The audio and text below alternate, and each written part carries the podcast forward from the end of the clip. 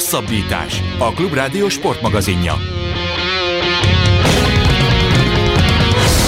Nagyon sok szeretettel köszöntöm a Klubrádió kedves hallgatóit, én Rév Dániel vagyok, és ez a hosszabbítás állandó sportmagazinunk, amelynek a mai adásában egyetlen témáról lesz szó, azt viszont nagyon részletesen ki fogjuk vesézni, hiszen a héten elindul, vagy újraindul az NBA idei uh, szezonja a koronavírus járvány miatti megszakítás után, és uh, hát egyrészt nagyon érdekes az, hogy milyen körülmények között indul újra a szezon, és nagyon érdekes az, hogy mi lehet ebben a szezonban, úgyhogy behívtuk Törös Balást, az NBA szakkommentátorát a Sport TV-ről, hogy mesélje el nekünk, hogy milyen körülmények között indul a szezon, és hogy kik nyerhetik a bajnokságot. Szia Baska, köszönjük szépen, hogy bejöttél. Én köszönöm a lehetőséget, és jó napot kívánok minden kedves hallgatónak. Beszéljünk az első és legfontosabb dologról, egyáltalán mennyire volt biztos az, hogy lesz folytatás ennek a szezonnak, mekkora pénzügyi gondba került volna az NBA, hogyha nincsen folytatás, ugyanis ugye tudjuk, hogy az Egyesült Államokban azért továbbra is nagyon-nagyon súlyos koronavírus helyzet van. Kezdem a pénzügyi részével. Pénzügyi szempontból katasztrofális eredménye lenne annak, hogyha ezt a szezont nem lehetne befejezni. Csak a játékosok esnének el nagyságrendileg egy milliárd plusz dollártól ebben a szezonban. A liga az több mint három milliárd dollártól, és emiatt volt ez az erőfeszítés egy pillanatig sem lankadó, és nagyon átgondolt, és nagyon koncepciózus, főleg, hogyha megnézzük, hogy a többi liga hozzájuk képest mennyire gyerekcipőben jár egyáltalán nem volt biztos, amikor elkezdett másodszor is, vagy hát igazából nagyon komoly visszaesést az Egyesült Államokban nem láttál, de volt, tehát igazából a második hullámot egy első nagyot követett, akkor én egy lyukas garas nem adtam volna azért, hogy lesz szezon. Van egy ilyen szűkebb szakértői kör, akikkel két hetente összeszoktunk gyűlni az egyik ilyen chat programban, videóprogramban, és az utolsó ilyen találkozónál elkezdtünk beszélgetni, hogy egytől tízig mennyire optimisták, hogy lesz szezon. És ott kettes, hármas, négyesek röpködtek. És azóta eltelt két-két és fél hét, és most azt mondom, és nem csak azért, mert, mert nekem is érdekem fűződik kis túlzással ahhoz, hogy legyen szezon, hogy, hogy szerintem nagyon jó esélyük van, hogy meg tudják csinálni, és magánemberként, per civilként is nagyon szurkolok nekik, mert egészen elképesztő az, amit összehoztak. És akkor beszéljünk arról, hogy mit hoztak össze. Ugye egy buboréknak nevezett valamiben vannak a játékosok, a szakmai stábtagjai teljesen elzárva a világtól. Gyakorlatilag ugye most már két-három hete ott vannak Orlandóban a Disney World Vidám Park, vagy nem is tudom, lehet egyáltalán Vidám Parknak nevezni ezt a komplexumot. Szóval egy luxus börtön, te így fogalmaztál a videódban, amit kiraktál a szezon újraindulásáról. Igen, tehát az NBA nagyon hamar úgy döntött, hogy nem vág bele abba, ami egyébként Európában működött, mondjuk a Bundesliga befejezésénél, hogy a csapatok szabadon utaznak, hanem azt mondta, hogy mi csinálunk egy helyet, oda bezsúfolunk, akit lehet, és se ki, se ugye, a Lár András mondta, és 22 csapatot hívtak meg végül csak, akinek volt valós esélye arra, hogy a rájátszásba jusson, ezzel is csökkentve a, a, a potenciális fertőzések számát. Meghatározta, hogy hány szakvezető, csapatorvos, gondnok, szertáros, stb. jöhet. Minimalizálta és nagyon erősen korlátozta az újságírók számát, és mindenki, kvázi, mint amikor valaki egy, egy a, a, a szifikben látjuk, ugye a fertőzött bolygóról bejön, karantén, megérkezik két napos, három napos karantén, minden nap tesztelik, ajtó elé kapja zacskóban az ebédet, és hogyha megvan a meghatározott számú pozitív teszt, akkor engedik be kvázi a buborékba. És ami a nagyon jó hír, hogy valóban ott vannak most már szerintem két hete biztosan, de szerintem néhány nappal korábban érkeztek már az első delikvensek, és már a buborékban lévő játékostól nem kaptunk, vagy legalábbis nem került nyilvánosságra pozitív teszt.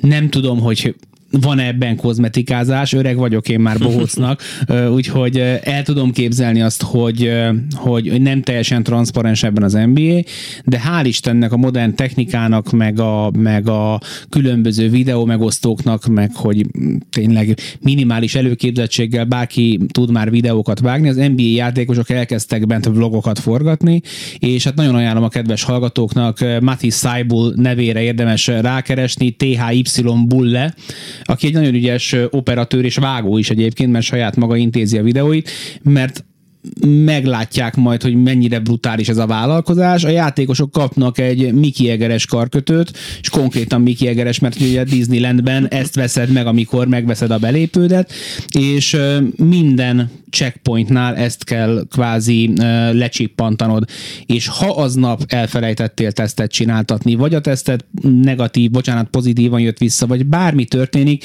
már is pirosat kapsz, és már is vagy kivágnak, vagy karantén, egy játékos átlépette egy bizonyos határvonalat, és odament a, a komplexum kerítéséhez, hogy átvegyen egy, egy ételfutártól, mit tudom mi, csípős csirkét, tíz nap karantén azonnal. Tehát, hogy nagyon komoly szankció van. Csináltak uh, Spitzli hotline-t is, ahova be lehet telefonálni, hogy, uh, hogy azt láttam, hogy valaki nem volt maszk, azt láttam, hogy valaki ezt csinálta, azt csinálta, és egyfelől ja, mi is házmesterországban élünk, és hogy ez szörnyű, másfelől meg egy milliárd dollárról van szó, és a játékosok, hogyha ennyi pénzről van szó, akkor néha azért azt gondolom, hogy beköpik a másikat, és ez most kivételesen így van rendjén. Na várj, de és akkor azt megcsinálhatja mondjuk Kawhi Leonard, hogy a döntő, vagy a nyugati döntő előtt azt mondja, hogy LeBron James láttam maszk nélkül, és akkor LeBron james elkezdenek szívózni? hát szerintem ennél komolyabb bizonyítékra van szükség, de, de lehetséges, hogy majd az a hír járja, hogy csörög a telefon. Uh-huh. Tehát, hogy, hogy működik ez a, ez a vonal. De szerintem kell ehhez, és hát azt gondolom, hogy elég tisztességesen körbe van kamerázva az a komplexum ahhoz, hogy bármilyen fekete fuvar van, akkor, akkor az, majd, az majd kiderül. Úgyhogy ki lehet menni egyébként a buborékból, megtette ezt családi okokra hivatkozva a közelmúltban egy-két játékos, a közben is kell um, a a, a szabályoknak megfelelően viselkedni, és amikor visszaérsz, akkor is van egy ilyen minimum két-három napos ilyen karanténidőszak, de most például a Los Angeles Clippersnek az egyik nagyon hasznos csereembere Lou Williams egy temetésre indult, aztán véletlenül egy striptease bárban kötött ki egy atlantai rapperrel. Az atlantai rapper pedig úgy gondolta, hogy jó ötlet erről egy Instagram sztorit készíteni, úgyhogy Lou Williams egy tíznapos karantént kapott a, a nyakába, mert hogy nem tartotta be a karantén, vagy a, kül- a külső látogatás szabályait. Pont ezt akartam felhozni, hogy nagyon szigorúak a szabályok, viszont a betartatás az kicsit a, a világunk miatt is történik úgy, ahogy nem. Tehát, hogyha valami szabálytalanság történik, az szinte biztos, hogy valakinek az Instagramján vagy a, vagy a Twitterén meg fog jelenni, mert egész egyszerűen mindenki fotózza a másikat, magát, közös programokat csinálnak azért tulajdonképpen a játékosok. Tehát ki fog derülni, hogyha valaki szabálytalan. Nagyon komoly oknyomozó riport készült, és, és a világ legkönnyebb dolga volt végigkövetni Lou Williams utolsó sztoriát, ennek a rappernek az első sztoriát, kiderült, hogy melyiken hogy van fonva a haja, hogy melyik póló volt rajta, tehát csak az Instagram sztorikból simán ki lehetett rakni egy, egy működőképes timeline-t. Nem biztos, hogy ez jó így, de ez már mindenkinek a maga véleménye, hogy mit gondol erről a világról. Mivel töltik az idejüket a játékosok manapság? Mert ugye a szezon az csak csütörtökön fog kezdődni, mit, mit szórakoznak, vagy edzenek, vagy mind a kettőt, mivel töltik az idejüket? Hát Amennyire látszik például Thibault videójából, egyébként Javel meg, illetve hú, talán Troy Danielsnek hívják a harmadik srácot, aki rendszeresen vlogol. Napi egyedzésük van biztosan, lehet, hogy délután van még egy kis átmozgatás, ami azt jelenti, hogy egy ilyen tisztességes 8-9 órás alvással is 7-8 óra szabadidő minimum a, a karjai közé esik. Állítólag a Disney World látványosságait is kipróbálhatják, meg használhatják, de egyelőre a videók tanúsága szerint golfozni járnak, horgásznak, most minden NBA játékos horgász lett, illetve lehet pingpongozni, lehet társas játékozni, van ez a, hát olyasmi, mint a petank, csak egy ilyen babzsákot kell dobálni uh-huh. egy, egy, egy lyukba, ezzel is foglalkoznak, szóval biztos, hogy kártyáznak, és hát a, a rossz nyelvek szerint, és erre az NBA is hát pozitív utalást tett, hogy mindent ugyanúgy fognak nézni a játékosok szervezetében, mint eddig, a marihuánát nem. Tehát valószínűleg azért uh-huh. egy nagyobb mennyiségű uh, fű is elfogyott a szobákban. Már volt ezzel kapcsolatos cikk, megpróbálták kiszámolni, hogy mennyi, milyen mennyiséget kell behoznod, hogy elég legyen a végéig. szóval ez látszik, Biztos egyébként, hogy ez nagyon őrjítő. Tehát, hogy az ember azt mondja, hogy jó, persze 10 millió dollárt keresel, és akkor most még az NBA-ben az NBA jelenében egy, egy nem is magas fizetésű játékosról beszélünk, mert mondjuk LeBron James 30 plusz milliót keres, akkor bírt ki. De azért azt gondolom, hogy aki ahhoz van hozzászokva, meg azokhoz az életkörülményekhez van hozzászokva, hogy be van zárva ide, nincs hölgyismerettség, nem csak a, a, a, arra gondolok, hogy tehát se feleség, se barátnő, se szex, se semmi, luxus börtön, de ettől még, ettől még ez, ez valamennyire egy börtön, és egy, egy nagyon érdekes szociológiai, meg emberkísérlet is, és ez még csak ugye maga a, a felkészülés a meccsekre, mert maga az, hogy a, a meccsek hogy néznek ki, az a másik fel a sztorinak. Beszéljünk akkor most erről egy kicsit, hogy hogy fog kinézni a pálya. Ugye három helyszínen rendezik majd meg a meccseket a ezen a buborékon belül. Ezek azért gondolom nem ilyen 20 ezres sportcsarnokok, mint amihez a játékosok hozzá vannak szokva, és amiket láttam videókat, ilyen felkészülési meccsekről, ott ilyen lett falak vannak tulajdonképpen, és próbálják amilyen jól csak tudják reprodukálni azt, hogy mintha lennének szurkolók a csarnokban. Igen. Hát nagyon megoszlanak a vélemények. Én a saját videómban azt mondtam, hogy nem kibírhatatlan.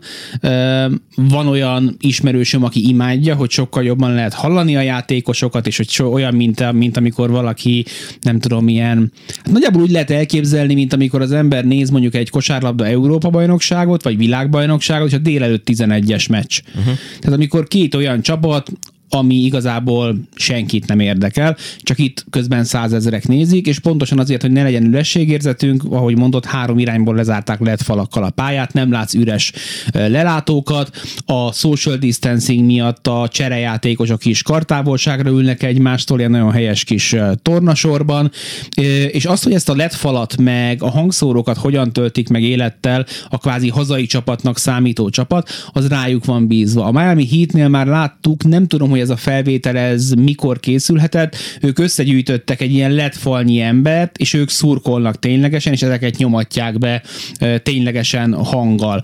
A, a PA, tehát a, a, a helyi műsorközlő az ott van, és mondja, hogy kifaltolt, kidobta a pontot. A helyi organista nyomatja az összes dalt, amit egyébként megszoktál. Egyébként csikorognak a cipők a parkettán, és lehet hallani időnként a nyomdafestéket nem tűrő szavakat is, de egyébként még egy kosárlabda rajongó számára tök izgalmas, hogy ők hogyan kommunikálnak a pályán, és most ezt real time-ban hallod.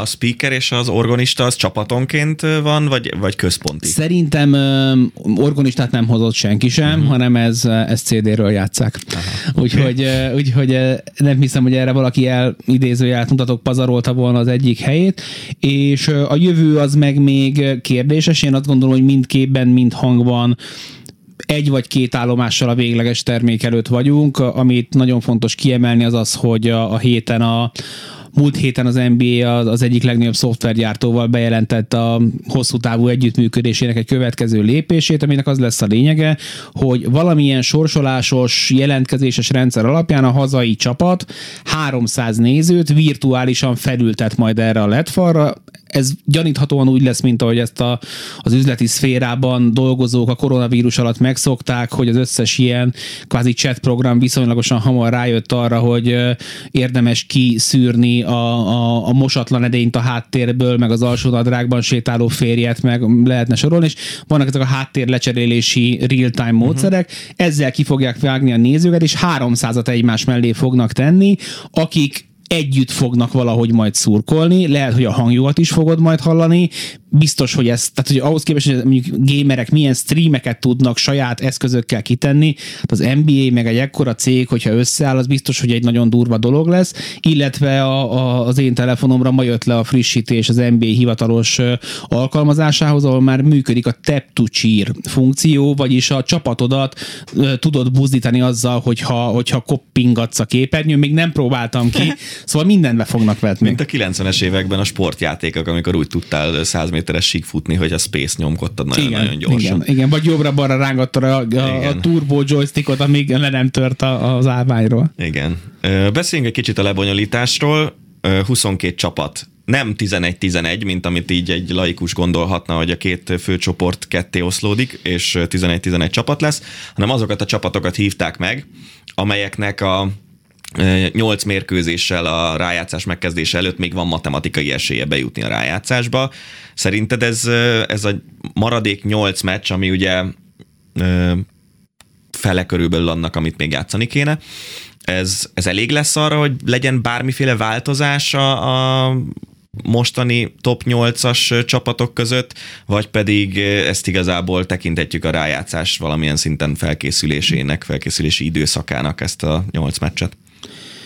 Máshonnan kezdem a választ, nem ez volt a, a fő szempont, amikor kialakították ezt a rendszert, hanem az, hogy az NBA-ben az összes csapatnak van egy helyi tévészerződése, és ennek a helyi tévészerződésnek van egy minimális meccsszáma, amit teljesíteni kell az adott csapatnak, ami hát talán 70 meccs, uh-huh. vagy 60, nem tudom pontosan, hogy mennyi, és a lényeg az az volt, hogy minél több csapat teljesíthesse ezt a kritériumot, hozzájuthasson a pénzéhez. Emellett pedig lehetőséget ad arra, hogy egy picit belemelegedjenek a játékosok, és minél jobb termék érkezzen majd meg a, a, a playoffba. Nagyon fontos, hogy ugye 22 csapat van, ami azt jelenti, hogy mivel 16-an jutnak a rájátszásba, van hat csapat, akik még küzdenek valamiért, akiknek még matematikai esélyük van arra, hogy ebben a, ebben a nyolc mérkőzésben látótávolságba kerüljenek. Emiatt van arra is esély, hogy valaki, aki jelenleg nem áll rájátszást érő helyen, oda fog érni a végére, egy. Kettő, pedig a helyezkedés az változik. Ugye miért helyezkedik egy csapat? Általában azért, hogy a hazai pályát megkapja, ennek most nincs értelme, mert maximum annyi fog változni, hogy majd a, a, a, a helyi DJ a te pendrive-odat teszi be az MP3 lejátszóba, és a te, nem tudom, nótáidat lehet majd hallani a bemelegítésnél. A másik viszont, hogy kedvezőbb sorsolást kapjál, és emiatt viszont van miért gűrizni, főleg ahol, ahol sűrűbb egy kicsit a, a mezőny. És ezután a nyolc meccs után mi fog történni? Egyből rájátszás, vagy van valami köztes megoldás? Igen, ez a rész nem egyszerű, de nem is annyira őrülten bonyolult. Mindenki játszik 8 meccset, és ezt úgy kell elképzelni, hogy ők tovább mennek az eredeti bajnoki menetrendjükön, amit megkaptak a szövetségtől tavaly szeptemberben. Egyszerűen az történik, hogyha egy olyan csapattal találkoznak ebben a menetrendben, akit nem hívtak el Orlandóba, ugye nyolc ilyen csapat van, azt a meccset egyszerűen átugorják. Ez egyben azt is jelenti, hogy ez a hátralévő nyolc meccs mindenkinek elég kemény lesz, mert nem jönnek majd pofozógépek. Uh-huh. Aki itt van, az csak itteni viszonylatban számít majd pofozógépnek. Elvileg ez mind a két főcsoportban a 8-9-10-11 legjobb csapat. Lejátszák a nyolc meccset, mindkét főcsoportból a legjobb hét mérleggel rendelkező csapat automatikusan megy a rájátszásba, viszont ha a nyolcadik mögött a kilencedik csak négy vagy annál kevesebb meccsel van lemaradva, akkor csak a kilencedik játszhat a nyolcadikkal egy pótselejtezőt. De ez is nagyon kemény, mert két nyert meccsig játszhatnák, vagy játszanák, mondhatnám, de ez nem igaz, hanem a kilencediknek kétszer egymás után meg kell verni a nyolcadikát. Ha az első meccsen nyer a nyolcadik, akkor ő jut be. Ha az első meccset elbukja, de a másodikat megnyer a nyolcadik, akkor is ő jut be. Kétszer egymás után meg kell verni a nyolcadikat ahhoz, hogy becsusszany a rájátszásba. Ugye keleten egyelőre öt és fél meccses különbségről indul a, a dolog a Washington és az Orlando között. Ami igazából kettőt jelent, mert ugye azt jelenti, hogy két meccset, ha hoz a, a, a Washington, akkor, akkor már van. lesz, lesz pótserejtező. Így van. Nyugaton ennél még egy fokkal bonyolultabb a történet, de arra majd rátérünk a hírek után. A rájátszáson miért nem változtattak? Azt gondolná az ember, hogy egy ilyen helyzetben, amikor jó, nyilván olimpia most idén nyáron nincsen, tehát arra nem kell elengedni a játékosokat, de amikor amúgy is elég rövid lesz az idő, akkor lehetne rövidíteni a rájátszáson. Gondolok itt arra, hogy hogy nem négy nyert meccsig játszanak az első egy-két körben, hanem csak három nyert meccsig, és ilyesmi megoldások egyáltalán szóba kerültek, vagy, vagy azt mondták, hogy nem, az NBA rájátszás az négy nyert meccsig. Hát volt egy nagyon szomorú két hónapos időszak az NBA-ben, amikor senki nem tudott semmit, azért mindenki kombinált. Uh-huh és jött elő számtalan javaslat, hogy hogyan kéne e, ilyen a világbajnokságokon megszokott csoportokat létrehozni, meg most akkor rúgják föl a főcsoportokat, és most itt az ideje, hogy forradalmat robbantsunk ki. Én nagyon örülök annak, hogy végül semmilyen forradalom nincsen, leszámítva ezt a pótselejtezőt, úgy fogják lejátszani a döntőt, ahogy eddig. Ennek egyrészt azért örülök, mert ez csökkenti a leginkább a lehetőségét annak, hogy aki az idén bajnok lesz, arra mindenki azt mondja, hogy jó, persze, de az 2020-ban volt, mert hogy ugyanúgy meg kell nyerni majd négyszer egymás után négy meccset, ami szerintem fontos. Másrészt pedig azért nem csökkentettek a meccs számon, mert pénz. Tehát, hogy a, a, a, az a, az a 6-8 meccs, az így is nagyon fog hiányozni. Az NBA bevételeinek 40%-át adják a jegyeladások. A playoffban ezek a jegyeladások ráadásul magasabb alapjegyárakkal dolgoznak, úgyhogy az, hogy még meccseket is engedjenek el, az, az nem volt járható út. Egy nagyon érzékeny, nem tudom, háromszögben mozogtak a szervezők. Egy, olyan termék térjen vissza a képernyőre, amiért érdemes bekapcsolni, vagyis kellett meccseket játszani. Kettő, játszunk le minél több meccset, hogy jöjjön be a pénz. Három, ne húzzuk nagyon az időt, mert hogy el kéne kezdeni valamikor a következő szezont. Ugye ne felejtsük el, hogy alaphelyzetben már másfél hónapja vége kellett volna lenni a rájátszásnak, ehhez képest hogy szeptember 30-án fog elvileg indulni a döntő reméljük, hogy eljutunk odáig, ami azt jelenti, hogy ha október közepére végeznek, akkor július, augusztus, szeptember, október négy hónappal később zárul az alapszakasz, bocsánat, a, a rájátszás, és a mostani tervek szerint másfél hónap pihenőt kapnak a játékosok, kb. tudom, ilyen európai nyári pihenőt, és december elején, de legkésőbb karácsonykor elkezdik a következő szezont. A következő szezon emiatt még ilyen felborult bioritmus, utána olimpia, ha sikerül odaérni, és akarnak menni a játékosok, és azt követően talán a 21-22-es szezon az már, az már rendes időben tud elindulni. És akkor inkább azt a megoldást választották, hogyha kell, akkor a következő szezon alapszakaszát zsugorítják egy kicsit össze, mint hogy az idei rájátszásban nyúljanak bele. Így van. Érdekes, hogy milyen döntéseket kell a ezeknek a sportligáknak, meg hát hogyha azt veszed alapul, hogy jelenállás szerint lesz jövőre olimpia, akkor meg még érdekesebb, hogy annak az NBA szezonnak is be kell fejeződnie úgy, hogy az amerikai játékosok favoritként odaérjenek az olimpiára. Szerintem ez most senkit nem érdekel. Abszolút az, az olimpia. Tehát, hogy olimpia harmad, negyed, ötöd rangú kérdés. Hm.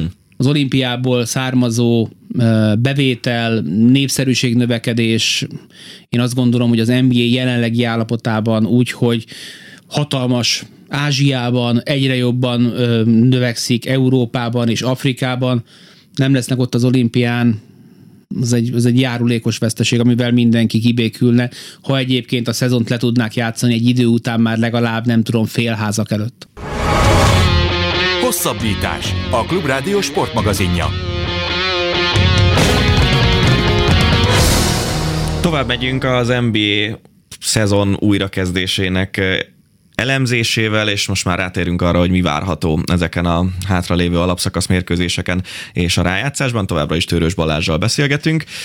Kezdjük a keleti főcsoporttal, ahol hát nagyon sokáig úgy tűnt, azt hiszem, hogy a, a Milwaukee Bucks egyeduralma az, az egy ilyen alapértelmezett dolog ebben a szezonban. Janni Antetokounmpo, ha lehet, akkor még a MVP szezonjához képest fejlődik, és még mindig fejlődik.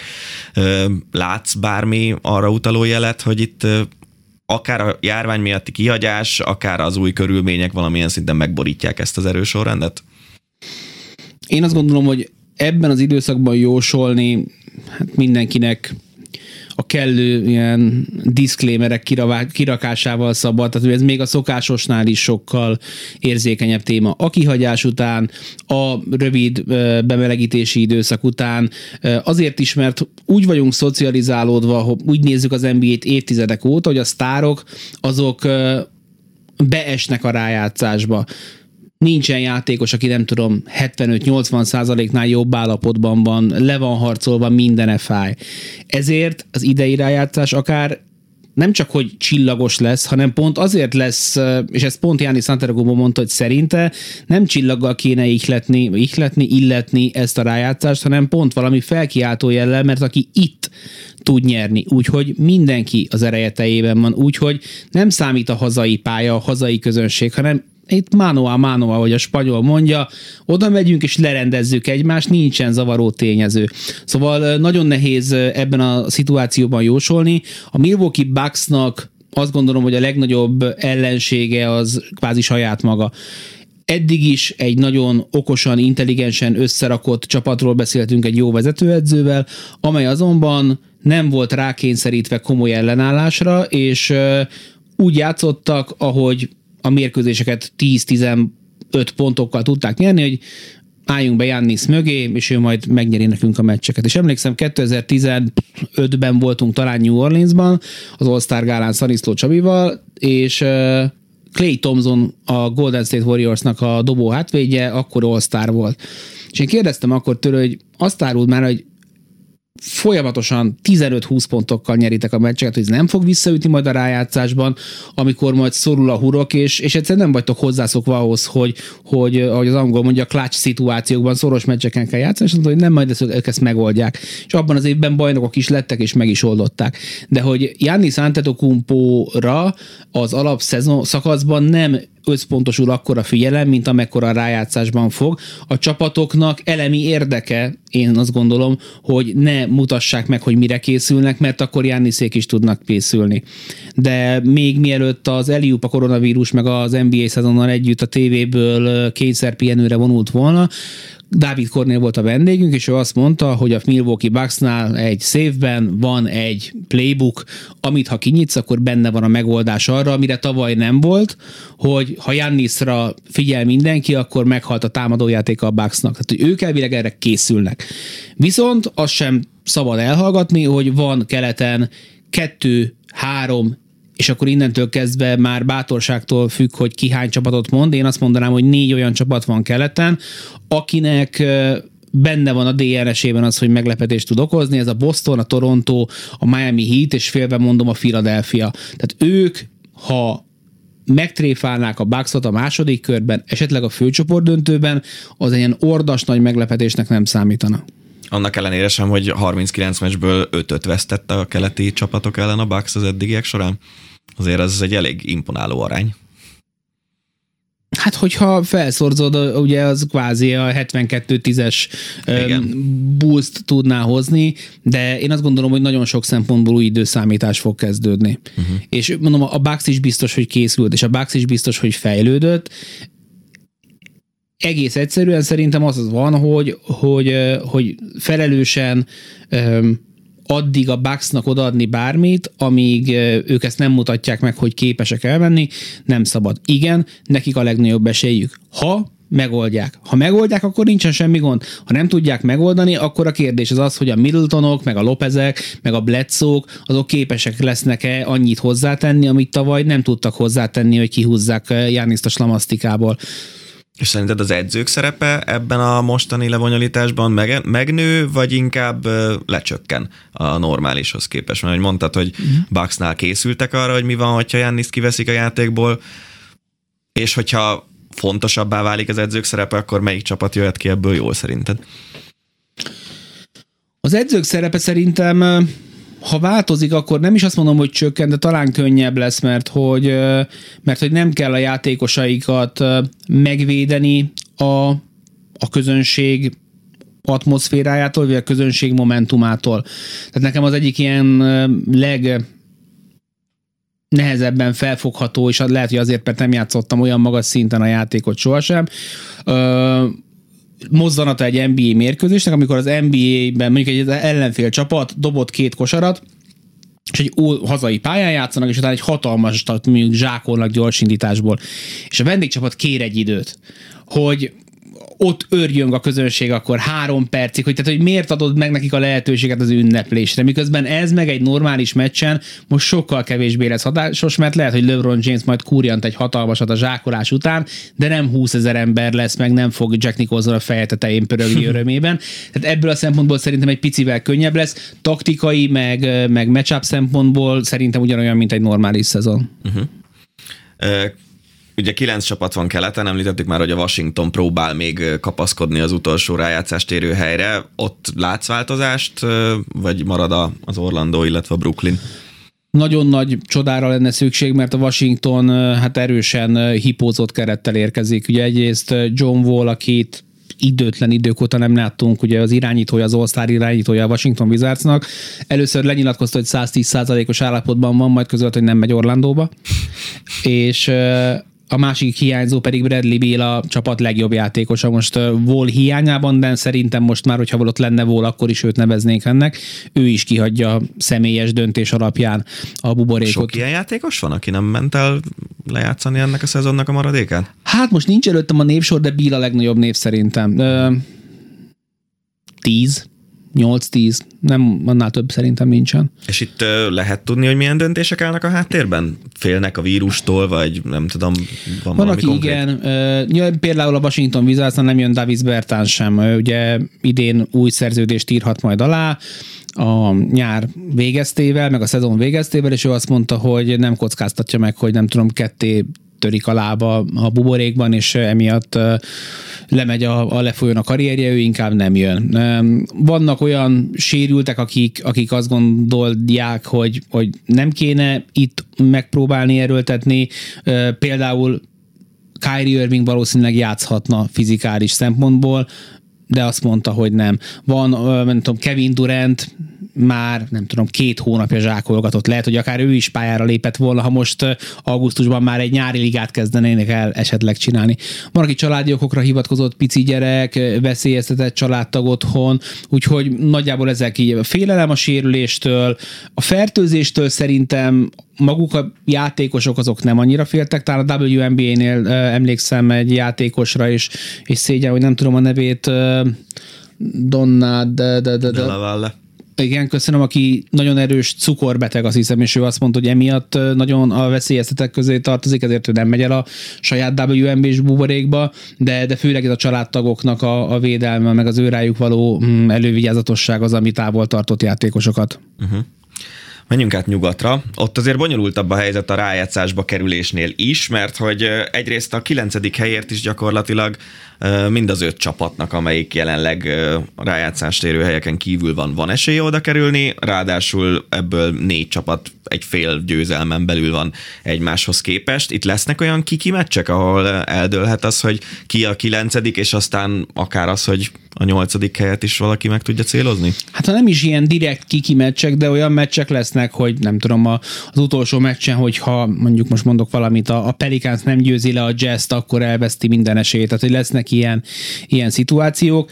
Ennek ellenére én azt gondolom, hogy, hogy a Kings is sok sebből vérezve érkezik, a Spursből hiányozni fog Lamarcus Aldridge, ami nekem kis túlzással borítékolja azt, hogy a Spurs 20 két éves playoff sorozata megszakad, ami egy, ami egy egész NBA szinten, ha nem példátlan, mert most idén állították be a rekordot, tehát még kellett volna ez a szezon, hogy, hogy ők legyenek az egyeduralkodók, de meg fog törni. A, a Suns-tól sem félnék komolyabban, viszont a, a Pelicans és a Blazers a képes lehet arra, hogy a, hogy a Memphis Grizzlies beérje, főleg azért, mert mondom, senkinek nem lesz könnyű sorsolása, de még ezen belül is azt mondják, hogy a Memphis Grizzlies a legkeményebb.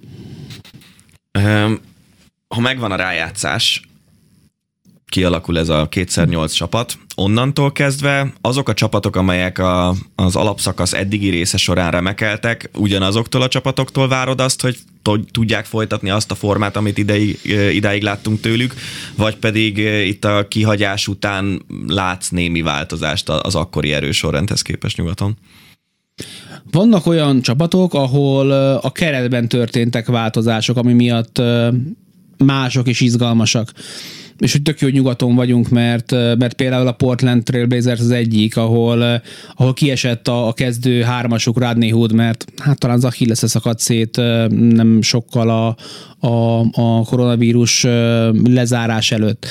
Viszont az a kihagyás elég időt adott arra, hogy meggyógyuljon a kezdőcenterük Yusuf Nurkic, illetve Zach Collins. És például elég időt adott arra, hogy, hogy megnézzen egy pár a videót Carmelo Anthony, aki ugye, ugye Melo a beceneve, és, és őt Fat Melónak becézték már az utóbbi években, mert egy tényleg NBA viszonylatban ilyen kicsit ilyen puhos testalkatú játékosról beszélünk, Na most őt skinny melónak hívják már, mert hogy tényleg, nem tudom, évek óta nem láttuk ennyire vékonyan. Itt annyi változó van, hogy nézzük meg, hogy majd a portland mi fog történni. Vagy a Los Angeles Lakers, ahol például van visszalépő Avery Bradley személyében, aki a kezdő kettesük volt, és hoztak két tékozló fiút, Dion Waiters, aki egy jobb sorsra érdemes, de fejben gyenges rác, ő az, aki, aki tavaly egy repülőn elájult, mert Miami Heat játékosként, mert ilyen marihuána tartalmú gumimaciból zabált be annyit, hogy rosszul lett tőle.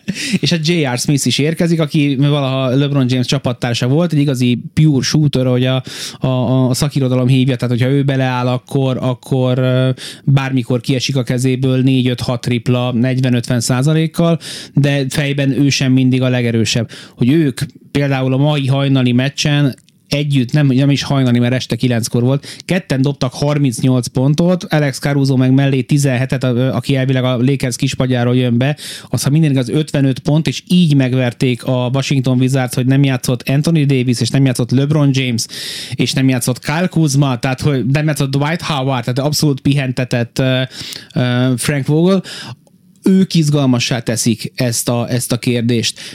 De ezen felül is szerintem amit eddig a szezonról tudtunk, meg gondoltunk, újra kell húznunk. Mondok egy példát, amit itt a szünetben beszélgettünk. Azt állítják a ligának a jobb dobói, hogy azzal, hogy a plexi emiatt átlátszó, de minimum áttetsző palánk mögött nem egy élő hullámzó tömeg van, hanem egy letfal, ami hol mozog valami kép, hol nem, annyival könnyebb a mélységérzékelés, és nem tudom, hogy aki kosárlabdázott a hallgatók közül, az beleszaladt-e már olyanba, és nálunk ez a, a Budapest bajnokságban, ahol én játszom, ez, ez abszolút működő dolog, hogy általában olyan tornatermekben játszunk, hogy palánk, két lépés fal, és van egy pálya valahol Pest külső részén, ahol egy ilyen hodály hangár közepén van és gigantikus rigók, és eldobunk minden labdát, annyira megváltozik a térérzet, és azt mondják, hogy azzal, hogy a LED fal lezárja, és kvázi fix hátteret tesz a palánk alá, nekik sokkal könnyebb dobni. Úgyhogy könnyen elképzelhető, hogy, hogy sokkal több ilyen, ilyen három pontos robbanást látunk majd egy-egy meccsen, ezt megtette már Seth Curry, megtette már JJ Redick, megtette ma éjjel például J.R. Smith, szóval emiatt nagyon nehéz komoly jóslásokba bocsátkozni, kis túlzással új szezon kezdődik. És hogyha ezt látjuk majd, akkor melyik csapatban érzed azt, hogy az ő három pontos dobóik fejlődhetnek annyit, ami boríthatja a sorrendeket, akár nyugaton, akár keleten? Van, van olyan csapat, amire egyáltalán azt tudod mondani, hogy fú, náluk itt van három ilyen srác, aki most mindent be fog dobni? Ilyen nincsen, de hát hogyha három pontosokról beszélünk, akkor nem tudsz elmenni a Houston Rockets mellett, aki ugye most már az 50 kísérletet veri néha fölülről mérkőzésenként, ez csak összehasonlításképpen ugye az NBA zseniálisan, hát nagyjából másfél hét alatt lereagálta azt, hogy mi történik a koronavírus miatt, és az én munkáltatómnak a sportévének elkezdte tolni a, a Harwood Classics retro meccseket, és 1984-ből sikerült leadnunk egy olyan Lakers Lakers Magic döntőt, a Lakers Celtics döntőt, csak Magic pályára lépett, ahol ott volt Larry Bird, akit mi szerintem sokan úgy ismerünk, mint a tripla dobók bajnokát, háromszor nyerte meg talán a tripla dobó versenyt. Az egész meccsen volt írd és mond öt tripla kísérlet, ehhez képest a Rakic egyedül dob 50-et, hogyha nekik menni fog a dobás, akkor az, az, az nagyon durva lesz. Hm. Érdekes, hogy ezek a pici változások hogy változtatják meg a, a dolgokat. Televíziós szempontból hogy fog kinézni a dolog? Ugye azt beszéltük, hogy három helyszín lesz. Mennyire tudják emiatt eltolni a meccseket, hogy minél többet láthasson a szélesebb közönség, vagy pedig ugyanaz lesz, mint ami lenni szokott, hogy helyi idő szerint este hétkor három pályán egyszerre játszanak?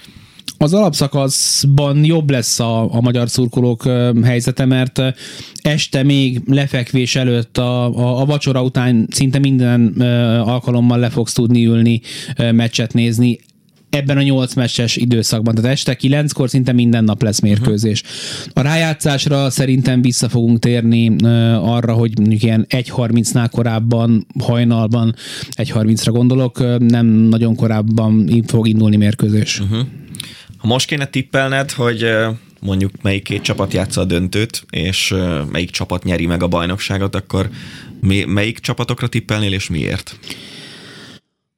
a józan eszemre hallgatva, és arra, mit Kornéltól hallottam, hogy egy év alatt a Bucks kitalált valamit, a keletről a Bucks hozom be a döntőbe, nyugatról pedig a Lakers, a két Los Angeles-i csapatból, és ott meg bármi megtörténhet értelemszerűen, de a Lakers hozom ki győztesnek. Uh-huh hogyha nem az eszemre hallgatok, hanem kicsit elkezdek kombinálni, meg, meg valószínűségszámításokat végezni, akkor keleten látok meglepetést, hogy nem a Bucks fog döntőbe jutni. Nyugaton annak az esélye, hogy nem Los Angeles-i gárda van, szerintem elenyésző. Tehát uh-huh. Vannak nagyon érdekes és izgalmas csapatok, azt nem látom, hogy valaki meg tudná verni A. a, a Clippersnek a mélységét, B.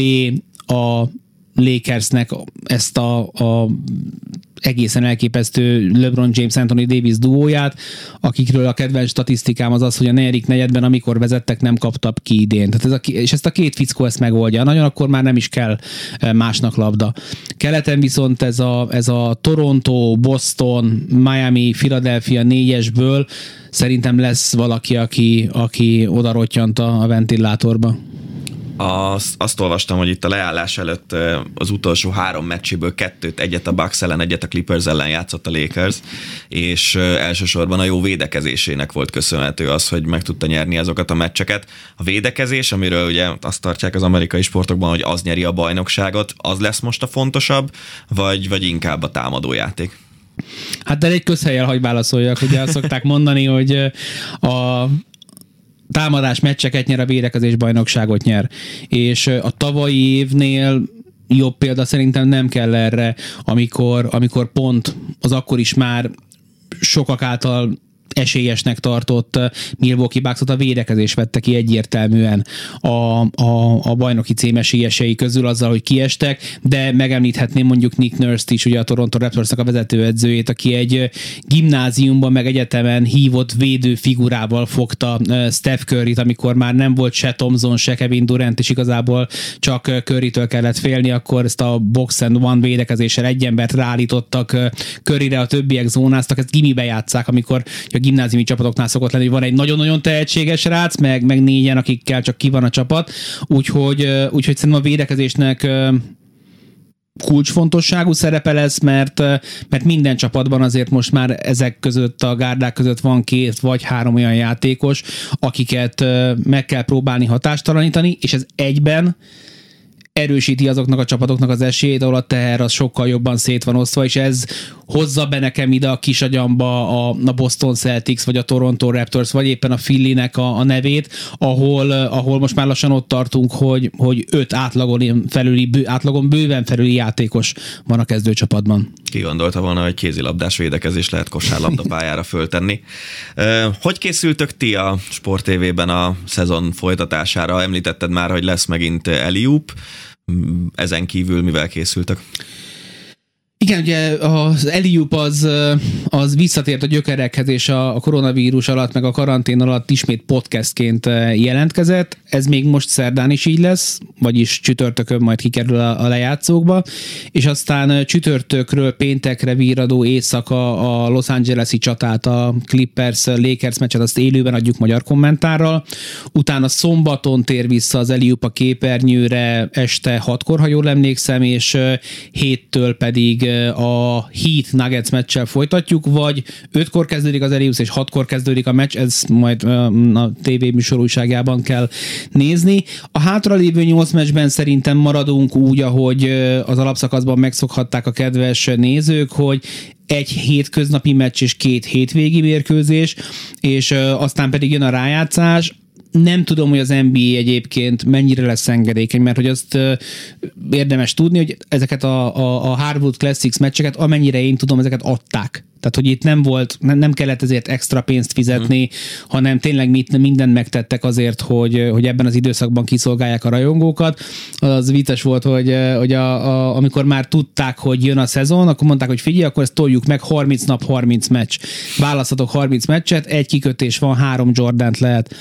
És akkor kollégáim kiválasztották a meccseket, elküldték, és akkor visszaért az NBA. Jó, jó próbálkozás, akkor mondjuk még egyszer, három Jordan és öt Kobi, mert hogy kicsit meg Kobi nehéz lett a, a, a, a, a lista, és utána eddig elvileg úgy szokott lenni, hogy egy ilyen meghatározott meccskeretünk van, és abból kell okosan válogatni, úgy, hogy ha nagyon a végére tartalékolunk, és mit tudom én, lefoglaljuk a főcsoport döntőkből a hatodik, hetedik meccset, ami aztán mondjuk nem kerül megrendezésre, mert sima, nem tudom, öt meccses sorozat mind a kettő, akkor lehet, hogy meccseket veszítünk, úgyhogy ez a Szalai Tamás szerkesztő kollégánknak mindig a nagy bűvészkedése, hogy, hogy okosan elossza, hogy a lehető legtöbb meccset le tudjuk adni, és hát aztán pedig a döntő az reményeim szerint ugyanúgy élőben, mint, mint eddig, az Eliup pedig a, a szezon végéig biztosan szombat esténként.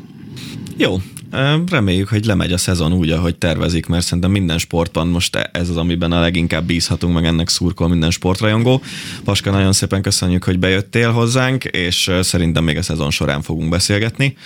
Törös Balázsjal, a Sport TV NBA szakkommentátorával beszélgettünk az újrainduló szezonról, csütörtökről péntekre virradóra, tehát folytatódik az NBA alapszakasza. Ez volt már a hosszabbítás, jövő héten is friss témákkal készülünk majd. Most Rév Dánielt hallották, viszont hallásra. Önök a hosszabbítást, a Klubrádió sportmagazinját hallották. Az elhangzottakról bővebben is olvashatnak a hosszabbítás.hu weboldalon.